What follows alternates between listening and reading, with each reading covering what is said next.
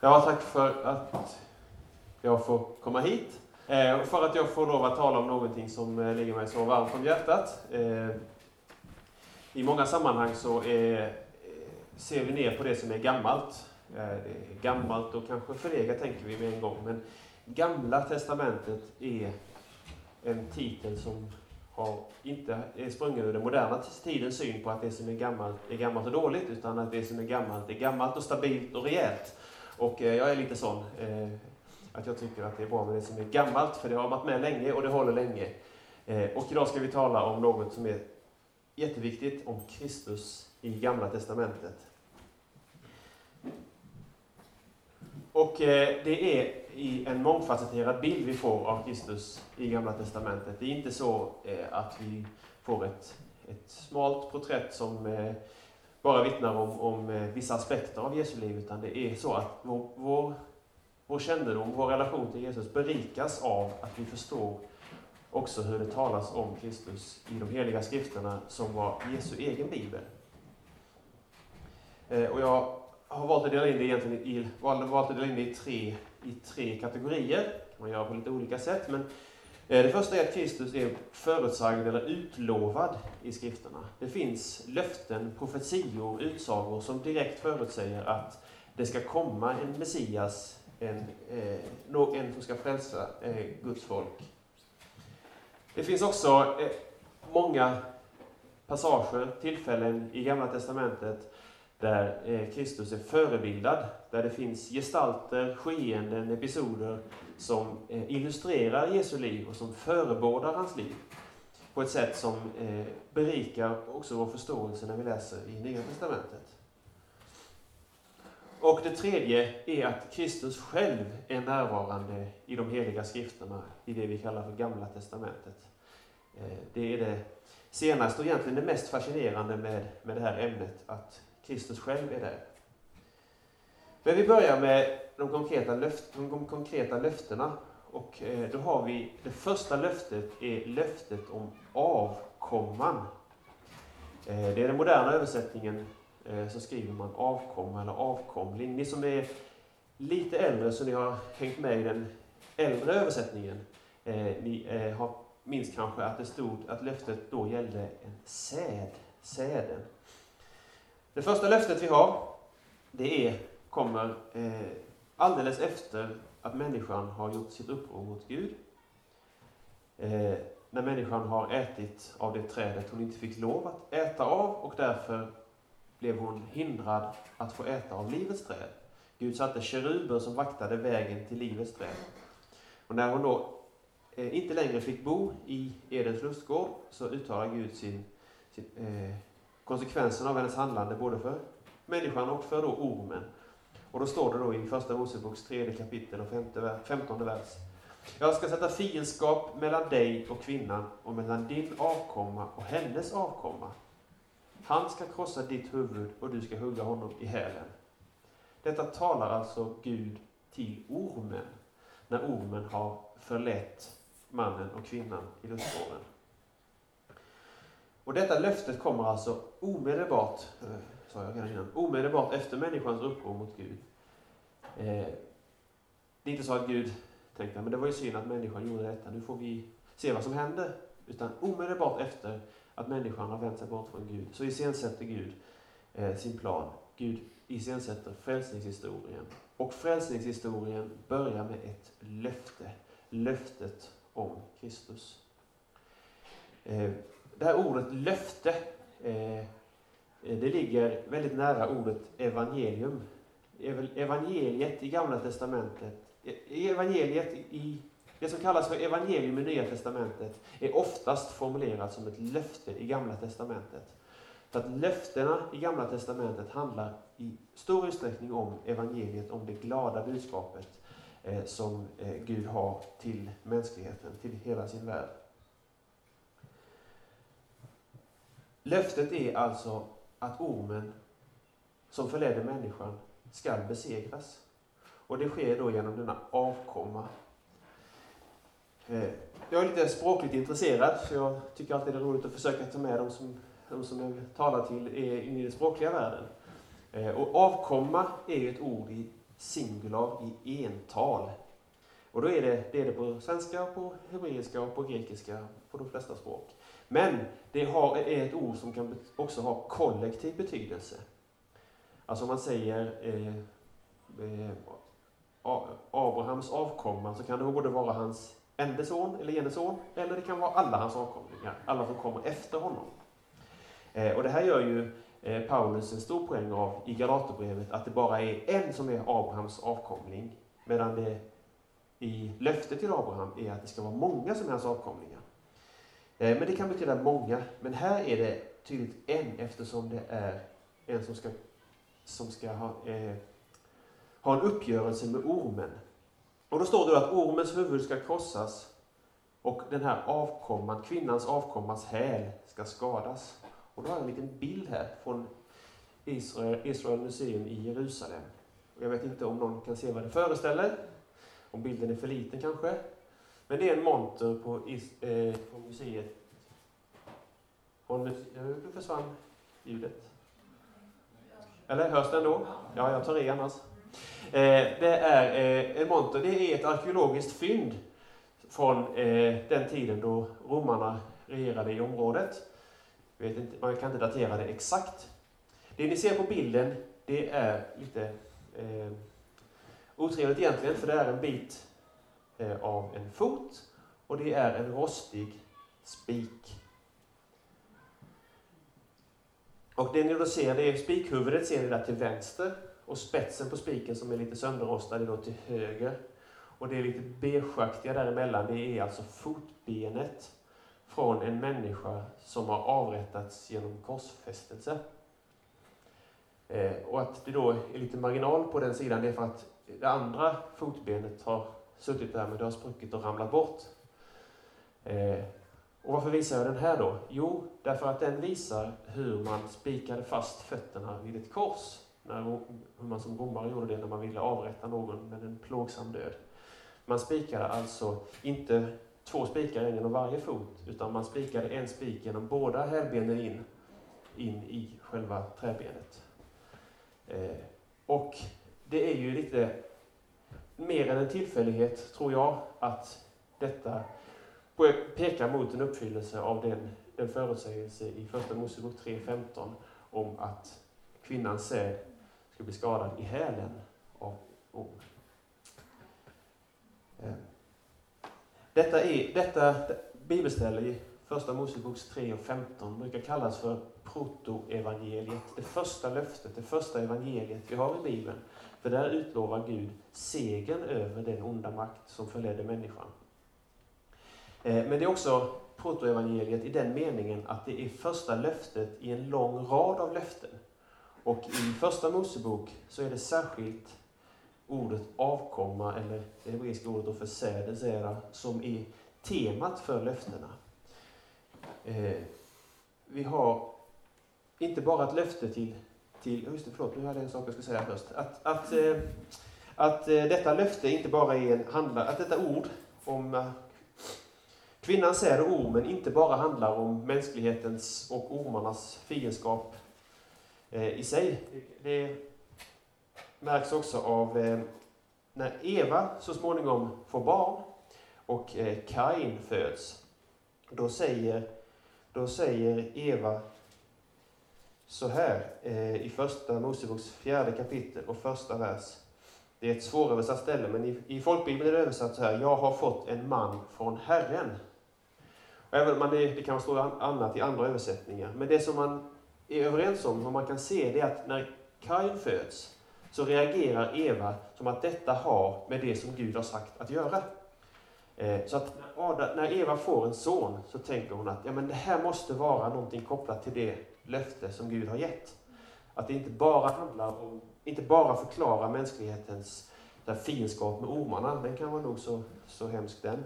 Men det här, ligger, här finns en dimension som går långt utöver eh, människan och ormarna på jorden.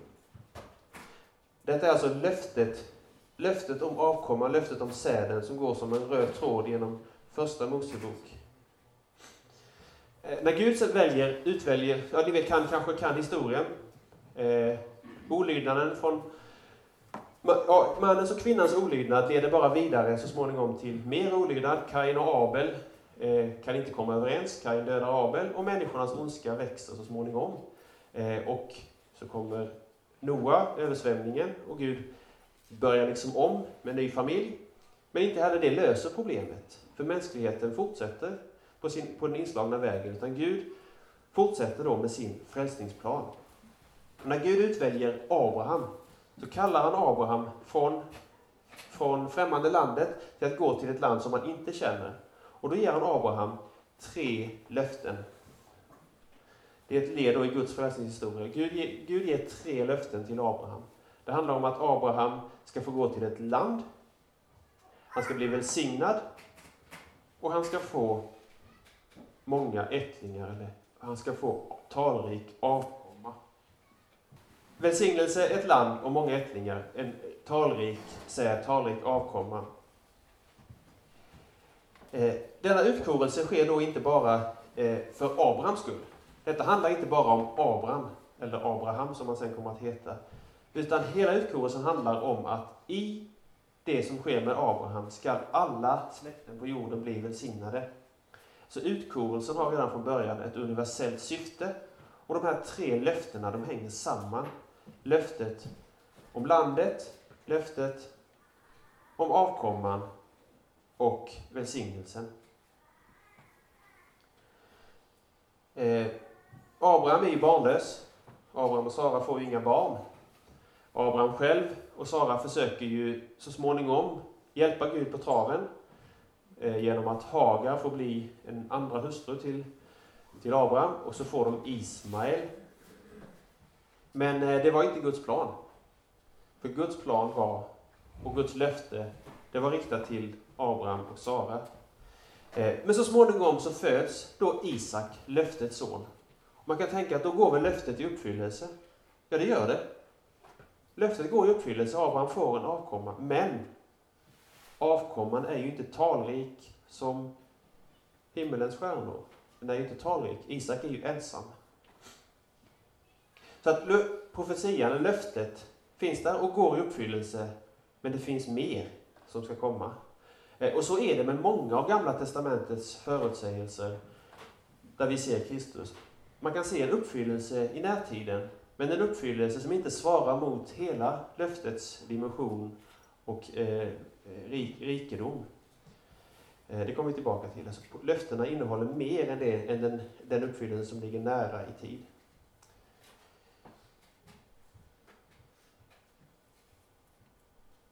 Annat löfte som eh, handlar om Kristus, det är löftet om profeten. Eh, i femte Moseboks 18 kapitel så undervisas det om profeter i Gamla Testamentet. Profeterna var ju något som Gud sände. Mycket viktiga personer för Guds, för Guds folk. De hade auktoritet. De förväntades tala det som Gud själv sa till folket. Eh, de förväntades, om de var sanna profeter, så var de profeter som, som mötte Gud och därmed förmedlade sen till folket vad Gud ville ha sagt. Eh, och det, därför varnas det mycket för falska profeter. Och när man varnar för falska profeter så talar man också om hur de sanna profeterna ska vara. Och då talas det i femte Moseboks 18 kapitel om att Gud ska sända en profet som är lik Mose. Eh, nu kan man läsa det här på två sätt egentligen. Rabbinerna föredrar ofta att läsa det som, som att Gud ska sända en profet, det vill säga Gud ska sända profeter. Det är en profet. Varje profet som kommer ska vara som Mose, tala det Gud vill att, att eh, Gud vill ha sagt och inte förleda människor till avgudadyrkan annat. Men fortfarande står det att det ska vara en profet i ental. Eh, det finns egentligen ingen av Gamla Testamentets profeter som kan mäta sig med Mose eftersom Mose var den som talade med Gud ansikte mot ansikte på Sinai berg.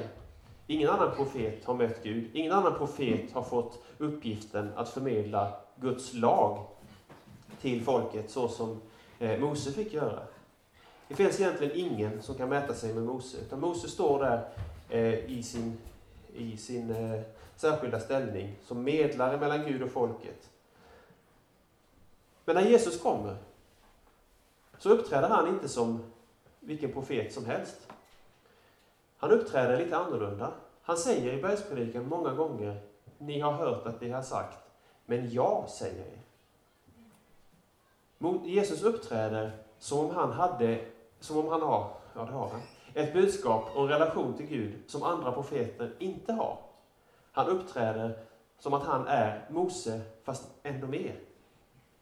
Eh, och det här finns både i det han säger, eh, rent konkret, eh, i att han ger dem, förklarar lagen på ett sätt, skärper lagen, men också i, i, i, rent i strukturen i Matteusevangeliet där Jesus håller fem olika tal.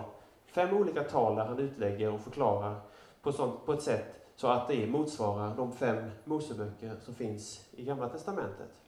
Så det finns många gånger eh, både i, i, den, i den öppna, i det, det som kommuniceras öppet och rakt, och i den underliggande strukturen i det som berättas.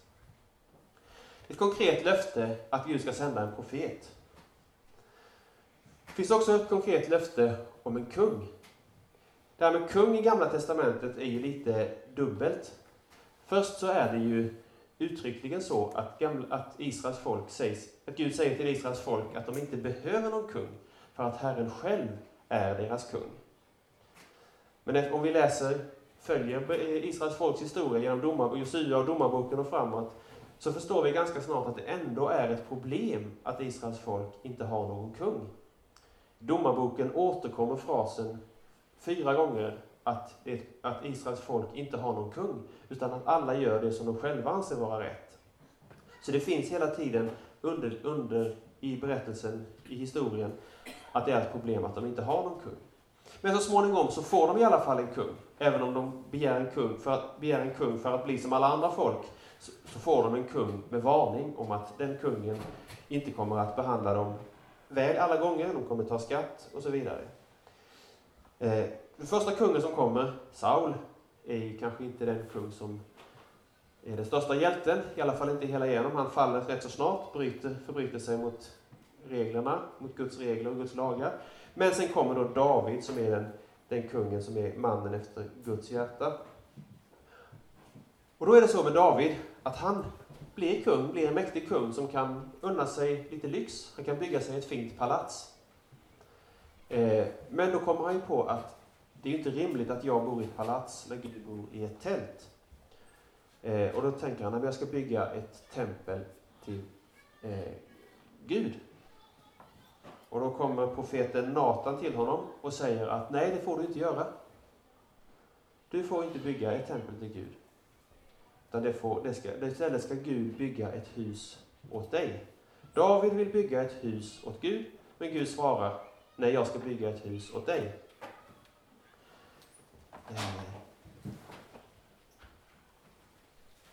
David får, inte, David får då börja samla då istället material till huset. Men det som är det intressanta med det här i Andra Samuelsboken 7, 1-16, det är att när, när profeten Natan talar om att, att Davids son, den som utgår ur hans liv, ska bygga templet, eh, så, handlar, så, beskrivs det tempel och det sammanhang han ska vara kung i som så att eh, eh, i den tionde versen. Jag ska bereda plats åt mitt folk Israel och plantera det så att det får bo kvar där utan att vidare oroas. Onda människor ska inte mer förtrycka det så som det skedde förr. Allt ifrån den dag då jag satte domar över mitt folk Israel alltifrån den dag då jag satte domare över mitt folk Israel. Jag ska låta dig få ro för alla dina fiender. Och så talas det om kungen som ska komma och att tronen ska befästas för evigt. Detta eh, stämmer ju i den meningen att Salomo kom efter David. Han var en kung som inte behövde kriga för att försvara sitt land. David hade, Davids krig hade så att säga förberett marken för Salomo så att han kunde vara en kung i fredstid. Eh, men det stämmer ju inte i den meningen att Israels folk blev kvitt sina fiender. Det stämmer inte i den meningen att kungamakten blev befäst för evigt. Det är ett löfte som går i uppfyllelse, men det är ett löfte som innehåller fler, eh, mer eh, finns mer att få. Löftet innehåller fler saker. Löftet är inte till fullo uppfyllt. Precis som med profeten så kommer det många sanna profeter. Rabbinerna säger att det kommer en sann profet i varje generation. Men det kommer ingen sann profet som är som Mose eh, under hela Gamla Testamentets tid. Och samma sak med kungen. Det kommer ingen kung som lever hela, eh, som, som eh, svarar upp mot beskrivningen som Natan ger till David. Vi har löftet om profeten, löftet om kungen och så har vi löftet om prästen. Det är någon som har räknat ut varför jag väljer just de tre. Tar vi en. Den smorde, ja precis. Det är så att det är de, dessa tre som sägs vara de, den smorde. Kristus betyder ju den smorde. Messias, Kristus är grekiska, Messias, Mashiach är hebreiska.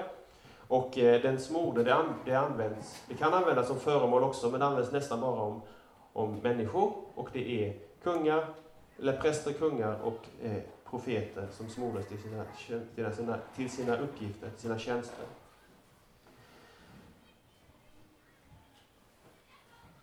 Löftet om prästen, det har vi i Saltaren 110. Saltaren 110 börjar ju med att Gud talar till sin smorde, till kungen, att han ska sitta på, på Guds högra sida och att, eh, att, Guds, att Gud ska göra, sätta alla, lägga alla hans fiender som en fotapall. Men sen kommer det, det som är lite överraskande, att kungen också sägs vara, att ska vara en präst för evigt på samma sätt som Melkisedek, eller efter Melkisedeks sätt, eller efter Melkisedeks ordning. Vad är det för någonting?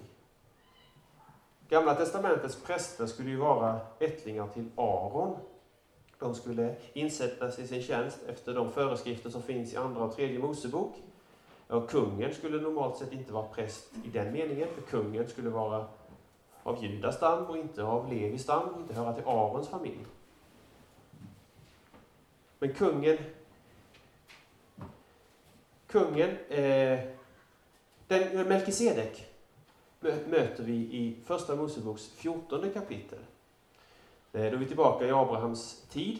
Abraham får då befria, får utföra ett krig till, eh, där eh, han befriar Lot och så finns också Melkisedek med där. Och Melkisedek kommer ut till Abraham med bröd och vin. Och Melkisedek är både präst och kung i Salem. Och då är det så med, eh, i Psaltaren 110 att kungen är präst, inte på det aronitiska viset, så att han har uppgiften att fullgöra alla offer, fullgöra eh, de uppgifter som prästerna hade i vanliga fall. Men kungen i Israel kunde fungera som präst vid de tillfällen då det behövdes, som inte var, ingick i de vanliga eh, gudstjänst eller kyrkoåret eller kalendern, eh, liknande vårt kyrkoår. Utan vid de extra tillfällena så kunde också kungen fungera i en prästerlig roll. Och det är det det handlar om här. Och då är han inte präst på Arons vis, utan då är han präst på Melkisedeks vis. Eh, nämligen han är både kung och präst. Eh, hade jag med också. Eh, Messias gav Juda ett och prästerna av Levi Arons ett. Eh, men eh, kungen hade kunnat ha en prästerlig funktion eh, i, de, i, i det som inte ingick i Arons prästadöme. Sen är det en poäng till med att det är efter Melkisedeks sätt. Därför att Melkisedek eh, kom, står där, säger brevbrevet, utan släkttavla och utan efterlevande. Han är helt unik i sitt slag. Därför är eh, Kristus en helt unik präst. Han är inte någon präst som står i en prästlängd där äldste sonen blir överste präst efter, sina, efter sin far och där den, dennes äldste son så småningom blir överste präst. Utan den överste präst vi har i Messias, Messiasprästen, är något som övergår det aronitiska prästadömet. Som är någonting annat och som också då kan framböra, eftersom han är av evighet, som, som Hebreerbrevet utlägger det, så kan han också frambära ett evigt giltigt offer. det är samma där.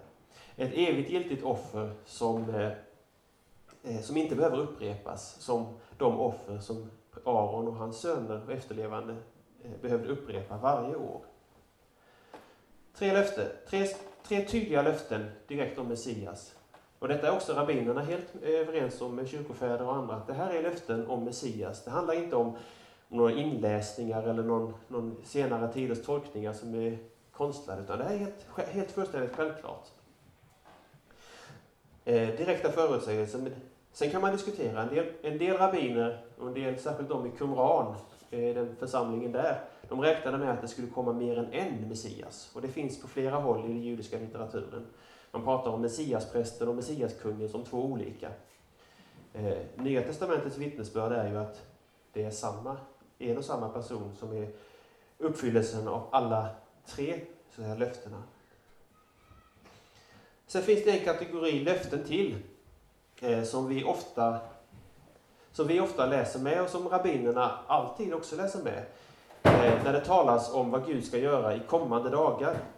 Det som rabbinerna ofta kallar den messianska tidsåldern. Vi har mycket profetior hos alla profeterna, Jesaja, Jeremia, Hesekiel och hela tolvprofetboken och även i Daniel. Vad som ska hända i kommande dagar, eller på den dagen, eller i den yttersta dagen, eller på yttersta tiden, eller i kommande dagar. Att då ska det hända någonting. Ofta är det vackra illustrationer och beskrivningar av ett liv i harmoni, ett liv i fred, ett liv där Gud segrar över sina fiender. Eh, och detta kopplar rabbinerna till Messias ankomst. Man läser i den rabbinska litteraturen så säger de ofta detta är Messias tiden, detta är Messias tidsålder. Då ska det bli så här. Eh, Guds andes utgjutande, men att människorna får hjärtan av kött istället för hjärtan av sten. Alla de här sakerna det knyter rabbinerna själva till Messias ankomst. Så det är när vi läser i Nya Testamentet och ser, ser att eh, vilka ställen som anförs för att Jesus är Messias, så är det i huvudsak samma som rabbinerna anför. Så oenigheten består egentligen inte i, i vilka ställen i Gamla Testamentet som handlar om, om Messias som Kristus, utan oenigheten består i huruvida Jesus från Nasaret är Messias eller i någon annan är Messias, om det överhuvudtaget finns någon som stämmer. Eh, det gör rabbinerna inte överens om det heller. Här finns det, jag nämnde några, Andens utgjutande i Joel 2 och i Hesekiel 36 finns det. Ett nytt hjärta nämnde jag också. Eh, det finns fler löften. Eh, I Amos, en av de få löftena i Amos, på slutet där, om att Davids fallna hydda ska återupprättas. Handlar det om Messias? Ja, det gör det. David är ju den kung som förebildar, förebildar Messias mer än någon annan. Och hans, när hans fallna hydda återupprättas så betyder det att det Davids rike som också omfattade hedningar, de hedningar som David la under sig som kung, så betyder det att när Messias kommer så ska Messias vara kung, inte bara över Israels folk i, efter köttet, alltså biologiskt hänseende, utan också över andra folk, människor av andra folk och stammar. Så när Davids hydda återupprättas så handlar det om att Messias kommer. Och det är så Petrus utlägger precis detta ställe i predikan på pingstdagen. Eh, det är det som sker när anden utgjuts över apostlarna, säger han. Så visiterar han Amos 9 och säger att det är detta som sker inför era ögon. Det talas också om att ödemarken ska blomstra. Om att eh, eh, människor ska få, eh, få läkedom. De blinda ska se, de döva höra. Eh, ni har eh, säkert läst om Johannes döparen när han sitter i fängelse och frågar, skickar sina lärjungar till Jesus och frågar Är du den som ska komma eller ska vi vänta på någon annan? Och då svarar Jesus Gå och berätta för Johannes vad ni ser. Döva hör, blinda ser, lama går. Vilket svar! Svaret är, jag är mäktig att göra under. Nej. Ja, det är svaret. Men också de löften som Gamla Testamentets profeter har gett oss om vad som ska ske när Messias kommer, de går nu i uppfyllelse. Alltså är svaret på Johannes fråga ett ja, fast det är omskrivet i andra, i andra ordalag. Det talas också om en enorm fruktsamhet i landet. Att skördemännen, plöjarna, skördemännen ska följa plöjarna i spåren. Man sår och skördar. Det finns hela tiden mat i överflöd. Eh, det talas det också om i Uppenbarelseboken, om att livets träd där ger frukt tolv gånger om året. Eh, så de, de profetiorna, de löftena som finns i Gamla Testamentet, de knyts också i Nya Testamentet till, till eh, eh till Jesus och till uppfyllelsen i honom. Vi har också ett rike i fred och harmoni. Och när vi kommer till de här ställena är det då vi funderar över, har detta verkligen gått i uppfyllelse? Ja, i en mening har det gått i uppfyllelse för att vi har i Kristus fått del av den kommande härligheten redan nu. Men vi lever inte där till fullo, för vi är fortfarande kvar i den gamla världen. Den nya tidsåldern har kommit, men den gamla har inte gått under. Så vi har, de här löftena är våra, de gäller oss och vi väntar dem. Men, men eh, brytpunkten har ännu inte kommit. Ja, man, man kan fortsätta. Räkna upp sådana. Men då blir den frågan, kanske inte en avgörande fråga för gemene man på gatan i Sverige idag, men en avgörande fråga när man läser i Bibeln är ju frågan om är är du den som ska komma eller ska vi vänta på någon annan? Är Jesus Messias eller är han det inte? Är Jesus uppfyllelsen av löftena eller är han det inte? Jag har skrivit jag har samma sak. Det ska jag Men frågan är, om Jesus inte är Messias, vem är han då? Frågans dignitet är ganska stor. Om han bara uppträder som han gjorde utan, utan att det var förutsagt, utan att det var eh, en uppfyllelse av Guds frälsningsplan, så var han ju en lärare bland alla andra. Det fanns gott om rabbiner som undervisade med liknelser. Det fanns undergörare, också andra än Jesus på den tiden. Han är en i mängden. Men om han är den som svarar mot löftena, så är han något, helt, så är han något mer. Och då kommer vi till frågan, vad säger apostlarna om Kristus? Apostlarna bekänner, Petrus gör det, du är Messias, du är Kristus, beroende på hur översätter det, den levande Gudens son. Apostlarna själva förstod detta redan under Jesu tid på jorden, innan han dog och uppstod. Men när Jesus hade dött, uppstått och anden hade utgjutits på pingstdagen, då, går, då kommer lärjungarna till en fördjupad och förnyad kunskap om vem Jesus är och vad det innebär. Det har enorma implikationer för hur vi förstår och läser Gamla Testamentet. Jesus är inte bara, han är Messias, han är Herre. Det löfte som Gud har gett, det har Gud uppfyllt åt oss. Jesus har trätt fram, löftena går i uppfyllelse. Ehm, och det som, det som då blir följden av att lärjungarna inser att Jesus är löftenas uppfyllelse, får, får som konsekvens att de inser att Jesus är långt mycket mer än bara en kung, en präst, en profet. Han, han är inte bara uppfyllelsen av löftena, han är något mer. Han är inte bara en människa, han är något mer. Och Jesus själv säger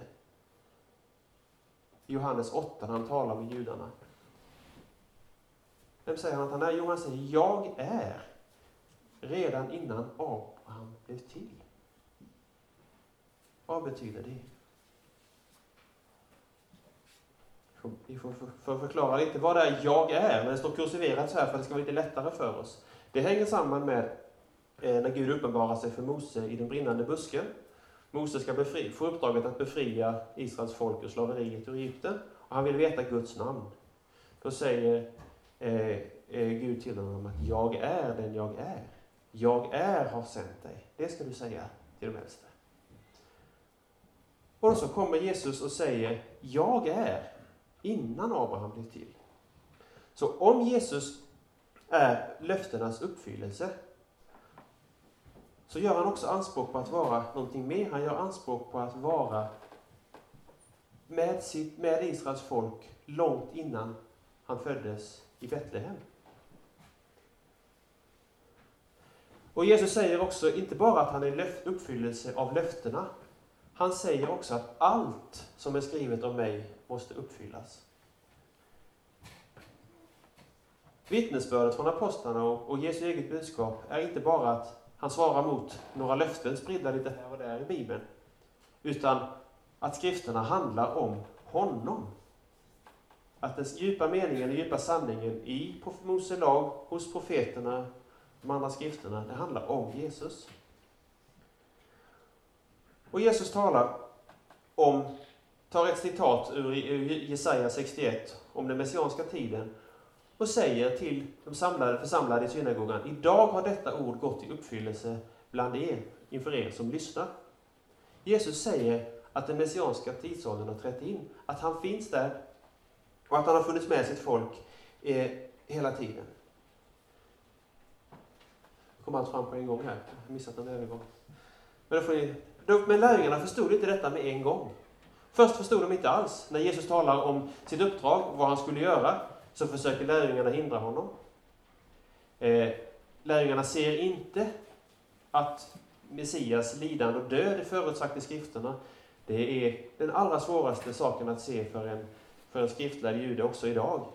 Att se Messias som frälsare, att se Messias som segrare, att se Messias som lejonet som vinner segern över det onda. Det kan vi vara överens om. Men att se Messias som den som lider och den som segrar genom att dö, det är svår, mycket svårare att se. Det är först när Anden utgjuts i Jerusalem som lärjungarna ser mönstret. Och det är ju på ett sätt inte så konstigt eh, att, att det då faller allting på plats. Eh, när man ser, ser ljuset, ser, ser det som är skrivet i ljuset av det som har hänt. Jag tog ett citat här av Sören Kierkegaard. Eh, att vi lever våra liv framlänges, men vi måste förstå det baklänges. Och lite grann på samma sätt är det med, med skriften och gudsfolkets historia också. Att när vi läser det från början så är det inte den som sätter sig ner och läser gamla Bibeln från pärm till pärm, det gamla testamentet först, så är det inte uppenbart att alla de här olika löftena, profetiorna, att det handlar om Kristus. Men i ljuset av vad Kristus gör, hans försoning, hans död, hans undervisning, hans under eh, och, och, hans död och uppståndelse, himmelsfärd, eh, så, och Andens utgjutande, så blir det för lärjungarna uppenbart att här är öppnar sig en djupare mening i skriften som vi inte sett innan. Och då säger apostlarna saker som är oerhört överraskande, särskilt för en from jude. Apostlarnas anspråk är inte bara att Kristus då är förutsagd, utan apostlarna säger att allting skapades i Kristus. I honom skapades allt. Paulus säger också att den klippan som folket drack ur, fick vatten ur under ökenfärden, ökenvandringen, att den klippan är Kristus. Kristus närvarande där och då. Och den, mest, eh, den tydligaste programförklaringen för hela det här är Andra Korinthierbrevets första kapitel och tjugonde vers. Att i Kristus, i honom, till alla Guds löften har i honom fått sitt ja. Det finns inga löften i Gamla Testamentet, om man ska ta apostlarna på orden, som, in, som går i uppfyllelse vid sidan av eller utanför Kristus. Utan det är i honom allt går i uppfyllelse. Nu betyder inte det så snävt att allt går i uppfyllelse i Kristus under hans jordvandring innan himmelsfärden, utan det går i uppfyllelse i Kristus. Men vi som döps in i Kristus är också en del av dessa uppfyllelser. Eh, så att allting går i uppfyllelse i Kristus, men inte inte så att det, är, att det går att pricka av varje liten detalj i varje förutsägelse i, hans, i evangeliernas skildring av hans jordvandring. Eh, och det visar också Uppenbarelseboken där det finns gott om eh, Eh, uppfyllelsetexter som vi ännu väntar på. I Johannes 12 så har Jesus en diskussion med judarna. Förmod, judarna i Johannesevangeliet är förmodligen bara de som bodde i Juda, Juda i eh, provinsen Judeen det är inte någon speciell beteckning på ett folk, på ett annat folk, till skillnad från Galilea och andra. Men Jesus talar där med judarna, förmodligen de som bodde där runt Jerusalem, och diskuterar olika saker, de är inte överens. Men då säger Jesus någonting eh, när han talar om Jesaja. Evangelisten säger om, om det efter diskussionen att, detta, att saker och ting går i uppfyllelse. Och så talar han om att Jesaja såg honom och om man läser Johannes 12 och letar efter vem syftar detta honom på? Vem nämns det här som, som honom syftar på? Jo, det är i vers 37 innan så står det om att det är Jesus. Han gjorde tecken under bland honom. Och Jesaja såg honom. Och det är, detta är inte övertydligt, men det finns, det antyds så här, och det, men det blir tydligt sen hos kyrkofäderna när de läser skrifterna att den, den, när Gud uppenbarar sig i Gamla Testamentet så räknar kyrkofäderna med att det, det är den preexistente Kristus, det är Sonen som visar sig. Fadern visar sig inte, tänker man. Eh, men, men det, det, kan man diskutera och vända och vrida på. Men det, det antyds i alla fall i Johannes, Johannes 12 och vissa andra ställen att det är, det är Jesus som finns där, som visar sig. Jesus är den som eh, eh finns mitt ibland folket i Gamla Testamentet. Sen uttrycker man det också på ett annat sätt. I, i, vi är vana vid att säga att Jesus är Herre. Om vi skulle ropa att Jesus är Herre idag, så tänker vi kanske mest på Herre som en hedersbetygelse eller en titel för någon. Men eh, ordet Herre har en annan historia i, i den judiska eh, litteraturen än, än vad vi har, än vi kanske omedelbart förstår på svenska. Det är så på, på i, eh, i den judiska kulturen att man slutade, eller man i alla fall, på Jesu tid uttalade man i alla fall aldrig gudsnamnet. Eh, det som vi brukar skriva JHVH, det uttalades inte. Utan när man kom till det, ett sådant ställe i Bibeln så läser man istället Adonai på hebreiska. På arameiska läser man Mar, som i Maranata. Eh, och på grekiska läser man Kyrios. Och då är det ju, det svåra med tolkningen här är ju att när man läser Kyrios i, på grekiska så kan det ju vara, inte, behöver det inte vara att det är gudsnamnet som ligger bakom. Det kan ju bara vara att man tilltalar någon med Herre. Ja, herr Fischer eller herr eh, Olsson eller vem man nu vill. Eh, för så använder man också Kyrios. Men det som visar att apostlarna inte bara tilltalade Jesus med Herre som en hedersbetygelse som vilken människa som helst.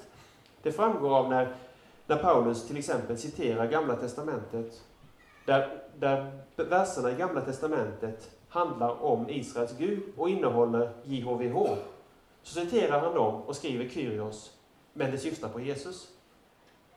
Alltså tillämpar Paulus och även några av evangelierna eh, titeln, eller namn, gudsnamnet på Jesus. Och vi har det kanske eh, tydligt också, eller det finns också bakom den här hymnen i Filipperbrevets andra kapitel, att alla namn ska bekänna att Jesus är, att alla ska bekänna att Jesus är Herre, Gud Fadern till ära. För att Jesus har fått namnet över alla namn. I judisk kultur så finns det inget namn som står över Guds namn. Utan namnet över alla namn måste vara Guds eget namn. Och det har Jesus. Så när Jesus namn, när Jesus har, när det talas om Jesu namn, så är det väldigt sällan Jesus som ett högst vanligt namn på den tiden. Det är Jesu namn syftar på Guds namn.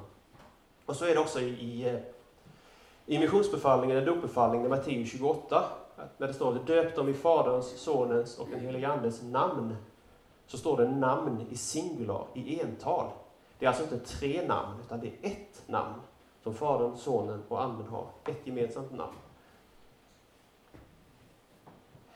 När, man har kommit, när, när apostlarna har kommit hit igen och förstått att ja, men om Kristus var närvarande där, om Jesus säger att det handlar om honom, att hans lidande förutsagt, skriften handlar om honom, då kommer apostlarnas vittnesbörd, inte bara att Jesus är Messias, att Jesus är Kristus, utan också att Jesus är Herre. Det implicerar att Jesus är Gud. Att alla Guds löften har fått sitt ja i honom, att skrifterna inte bara förutsäger Jesus, utan att de handlar om honom.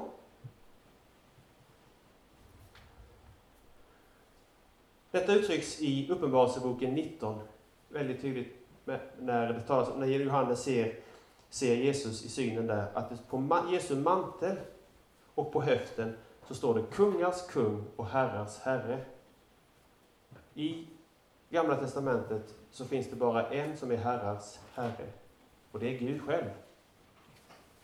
Jesus får alltså samma namn, samma titlar som i Nya Testamentet, som är exklusiva för Gud i Gamla Testamentet. Eh, man har i forskningen ibland när man diskuterar eh, kristologin, alltså läran om Kristus, eh, haft en stor diskussion om, är det rätt att säga att lärjungarna tidigt kunde förstå, och att Jesus själv kunde göra anspråk på att vara Gud och att lärjungarna kunde förstå det. Eh, och så börjar man resonera kring alla begrepp som används, Guds son och Messias och alla de här. Eh, och i, för oss västerlänningar så kan det ibland vara svårt att se det. Men ju mer man tränger in i den judiska kulturen, den judiska titulaturen och språk, språkvärlden, desto mer tydligt blir det att anspråken är höga i alla nytestamentliga texter redan från början. Jesus är inte bara en vanlig människa, han är en människa men han är också något mer. Så vi då lärjungarna då, apostlarna inser då att, och förklarar och utlägger att skrifterna handlar om honom. Inte då bara i form av enstaka förutsägelser och direkta förutsägelser, utan hela tiden därför att Jesus själv är Gud. Jesus är den Gud som vandrat med sitt folk från slaveriet i Egypten, genom öknen och varit med hela tiden på olika sätt genom Gudsfolkets historia. Och då kan man också se att Jesus, förutom att han är förebildad och närvarande i skrifterna, förutsagd och närvarande i skrifterna, så är han också förebildad i skrifterna. Och när vi ser Jesu liv och läser om honom så kan vi se att Jesus har förbilder, brukar jag försöka säga. Förebilder är det ju inte i den meningen att Jesus ser upp till dem, utan de är förvägsbilder eller förebilder till honom. Det finns många sådana. Isak, han var den utlovade sonen, den älskade sonen. Den sonen som hans fader, en son som vars fader var beredd att offra. I Första Moseboks 22 kapitel handlar detta om. Eh, Gud säger, sätt Abraham på prov och befaller honom att offra Isak. Och då är det intressant att i utläggningshistorien så blir Isak mindre och mindre ju längre, ju mer modern tid vi kommer till. I antiken, hos rabbinerna och även hos reformatorerna så var ju Isak vuxen. I modern konst så är han ett barn. Det har skett en förskjutning i perspektivet på ett sätt som, som är intressant. Varför tänker sig moderna konstnärer att Isak var ett barn? Jo, för man tänker sig att det som sker måste vara något som Abraham utsätter sin son för utan att sonen på något sätt kunde påverka det hela. Men om Isak var vuxen så kunde ju Isak övermannat sin åldrige far, sprungit därifrån eller gjort någonting annat. Och om Isak var vuxen så ligger det nära till hands att tänka som rabbinerna tänker, att Isak lät det som skedde ske. Och i så fall är Isak en oerhört tydlig förebild till Jesus, som kunde klivit ner från korset, som kunde slagit tillbaka soldaterna, som kunde tillkallat, var det 12 legioner änglar? Om just Första Mosebok 22 har jag skrivit en liten uppsats i den här boken som man kan köpa på bokbordet.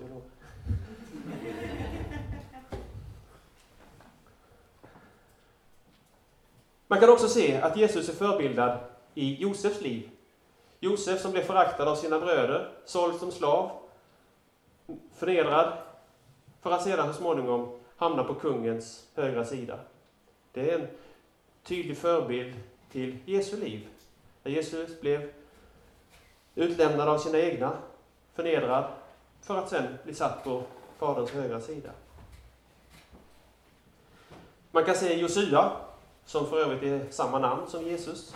Jeshua och, Je och Jehoshua, det är bara en variant på samma namn. Som fick föra folket in i vilan, in i löfteslandet.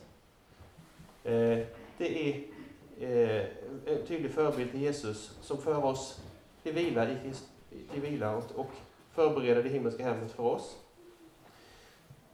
Eh, Jeremia, en annan gestalt som tydligt förebildar Kristus. Jeremia fick lida för sitt profetuppdrag. Eh, han blev fängslad, hånad. Han uttryckte mycket stor vånda i detta. Man brukar lite grann uttrycka det lite tydligt att Jesaja förutsade Kristus tydligt. Men Jeremia levde och förebildade Kristus.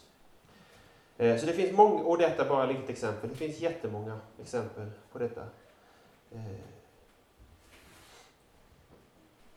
Ja, det här sa jag innan också. Men klippan är att Kristus är närvarande i skrifterna. Det är klippan i öknen var Kristus. I Kristus skapades allt. Det är ju i sig en utläggning, en typisk rabbinsk utläggning. Jag vet inte hur, hur mycket ni har talat om, om rabbinsk skriftutläggning, men där arbetar man ju inte sådär västerländskt med, med någon slags vår logik, utan man arbetar mycket mer med orden på en annan språklig nivå. Väldigt mycket handlar om ljudlikheter och ords dubbla betydelse. Eh, assonanser och, och, så.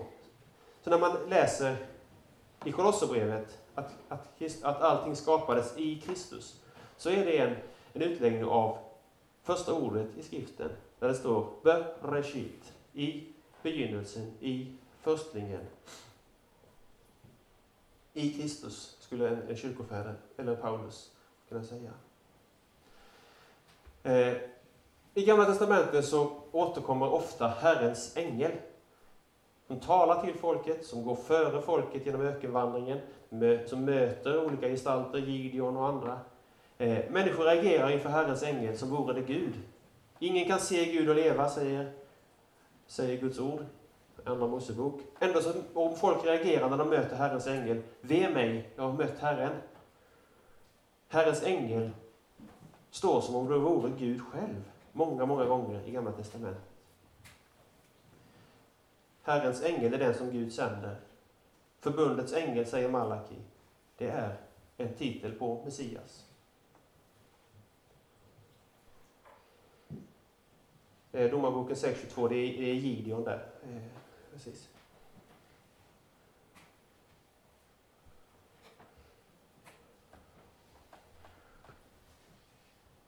Psaltaren 40. Se, jag kommer, i bokrullen står det skrivet om mig. Det säger Hebreerbrevet, att det, de här orden lägger Hebreerbrevet i Jesu mun. Det är psalmistens ord ifrån eh, Psaltaren eh, 40. Jesu liv, död, uppståndelse, det är allt det som händer med Jesus och Andens utgjutande, det förändrar lärjungarnas sätt att läsa skrifterna. Från att ha läst skrifterna genom med att se att Guds lag uppenbaras för Mose, och dessa förklaras sedan av profeterna och skrifterna, så att vi kan leva efter Guds lag. Så kommer lärjungarna till slutsatsen att här handlar, skrifterna handlar om Gud, Guds frälsning i Kristus. För den är förebådad, förutsagd och utlagd.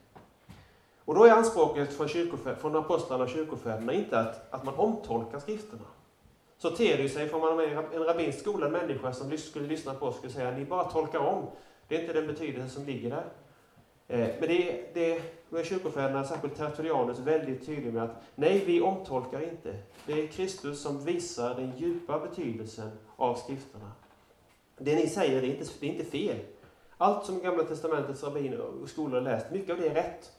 Men den djupaste meningen, den, det Guds stora ärende, det är, handlar om frälsningen i Kristus.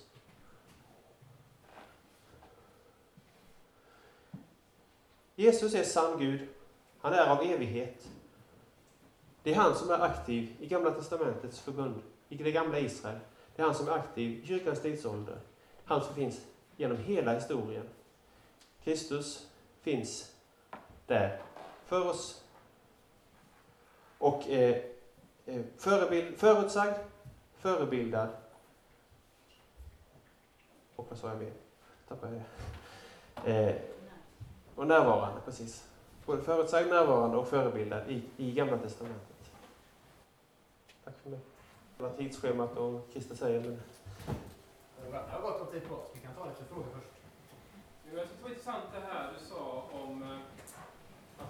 att menar att när, när, när Gud på något sätt uppenbarar sig i Gamla Testamentet så är det i själva verket Jesus och även det här med Herrens ängel och så.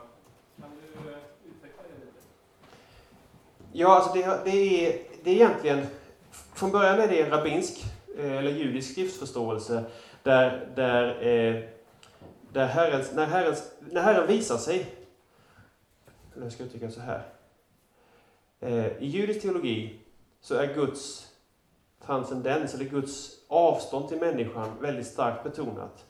Det största, bland de största teologiska problemen som en rabbin har, det är när Gud framställs som mänsklig.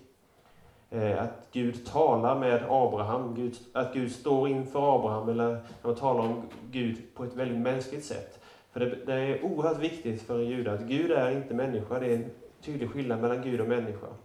Så det är den, den, van, den vanligaste uppfattningen i, i judisk litteratur efter Gamla Testamentet, att, att när Gud visar sig så är det i form av en ängel. Det finns ganska mycket i, i den litteraturen, pseudepigrafer, apokryfer och, och andra skrifter, utläggningar av, av skriften, där, man, där människor skildrar möten med Gud eller Guds ängel. Eh, enorma, stora gestalter som möter dem. Eh, och där, där, eh, där Gud i sin majestät inte träder fram och möter människan direkt. Så det, det är inget som, det kommer inte kyrkofäderna på, utan det, det som är kyrkofäderna kyrkofädernas eh, in, koppling är att i Nya Testamentet så kommer Gud själv till oss, men inte i sitt fulla majestät, så som Gud Fadern, utan i Sonen i mänsklig gestalt. Men när människorna ser syner, som Paulus på vägen till Damaskus, där vet vi inte det säkert, men när vi kommer till Uppenbarelseboken och ser Johannes där, så möter han Jesus på tronen med regnbågen runt sig. Det är inte en liten gullig regnbåge utan regnbågen runt sig runt tronen. Eller när Jesus svärd sträcker sig från himlen ända ner till marken. Alltså, den, mötet med det gudomliga är så enormt stort visuellt sett.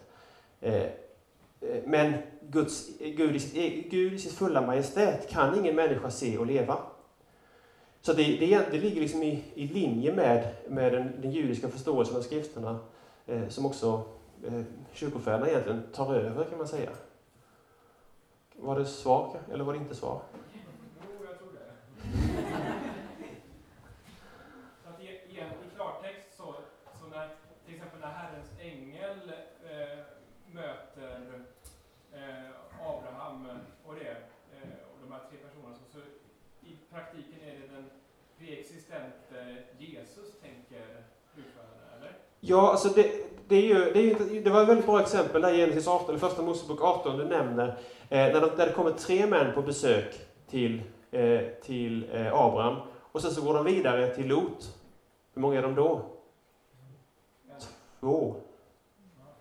Eh, och då, har man, då är det den, den vanliga förståelsen i, genom kyrkans historia eh, ganska länge, det vill säga ungefär tusen år,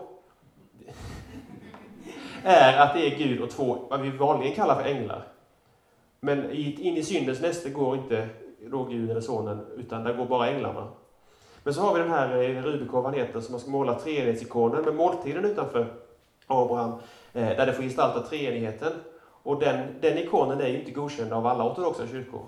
Just för att eh, den bryter mot den, den gamla tolkningstraditionen och, och försöker framställa treenigheten där då. Var, alltså den här frågan då liksom, om man är Jesus Messias, när du, judar, vad är deras största problem skulle du säga för att acceptera judar, eh, Jesus som Messias? Ehm, Ehm, det är, eh, det är Nya Testamentets betoning på, på Jesus som offerlamm. I kombination med, eh, med en hel del av det som Jesus sa, inte minst eh, Johannes 6. Alltså när Jesus säger den som äter mitt kött. Det är en, en djupt anstötlig tanke. En djupt anstötlig tanke för, för de flesta judar. Eh, jag tror att vi, vi, kyrkan, kyrkan glömmer ibland att Kristus är lejonet. Vi ser inte Messias, Jesus, som lejonet som segrar. Vi ser inte Aslan där, vi ser offerlandet bara. Eh, men i Uppenbarelseboken så har vi riddaren på den vita hästen, vi har segraren, vi har eh, segern i striden. Och när vi, om, vi inte, om vi som kyrka inte klarar att hålla ihop lammet och lejonet, så, så får vi inte heller alls med oss judarna. Sen tror jag att ett, stor, ett mycket stort problem i relation till våra judiska vänner, det är ju den moderna historien. Ehm, att, att, säga att man är kristen eh, i Israel är ju i princip lika illa som att säga att man är nazist. Alltså det är så, så mycket, så mycket eh, eh, ångest eller vånda för har ju, har ju förföljelsen på 1900-talet skapat. Inte bara på 1900-talet, men även längre tillbaka. Så det, det, jag tror att kyrkans vittnesbörd så, som, som levande Guds, gudsfolksgemenskap är ett väl så stort hinder. Men det var lite vid sidan av.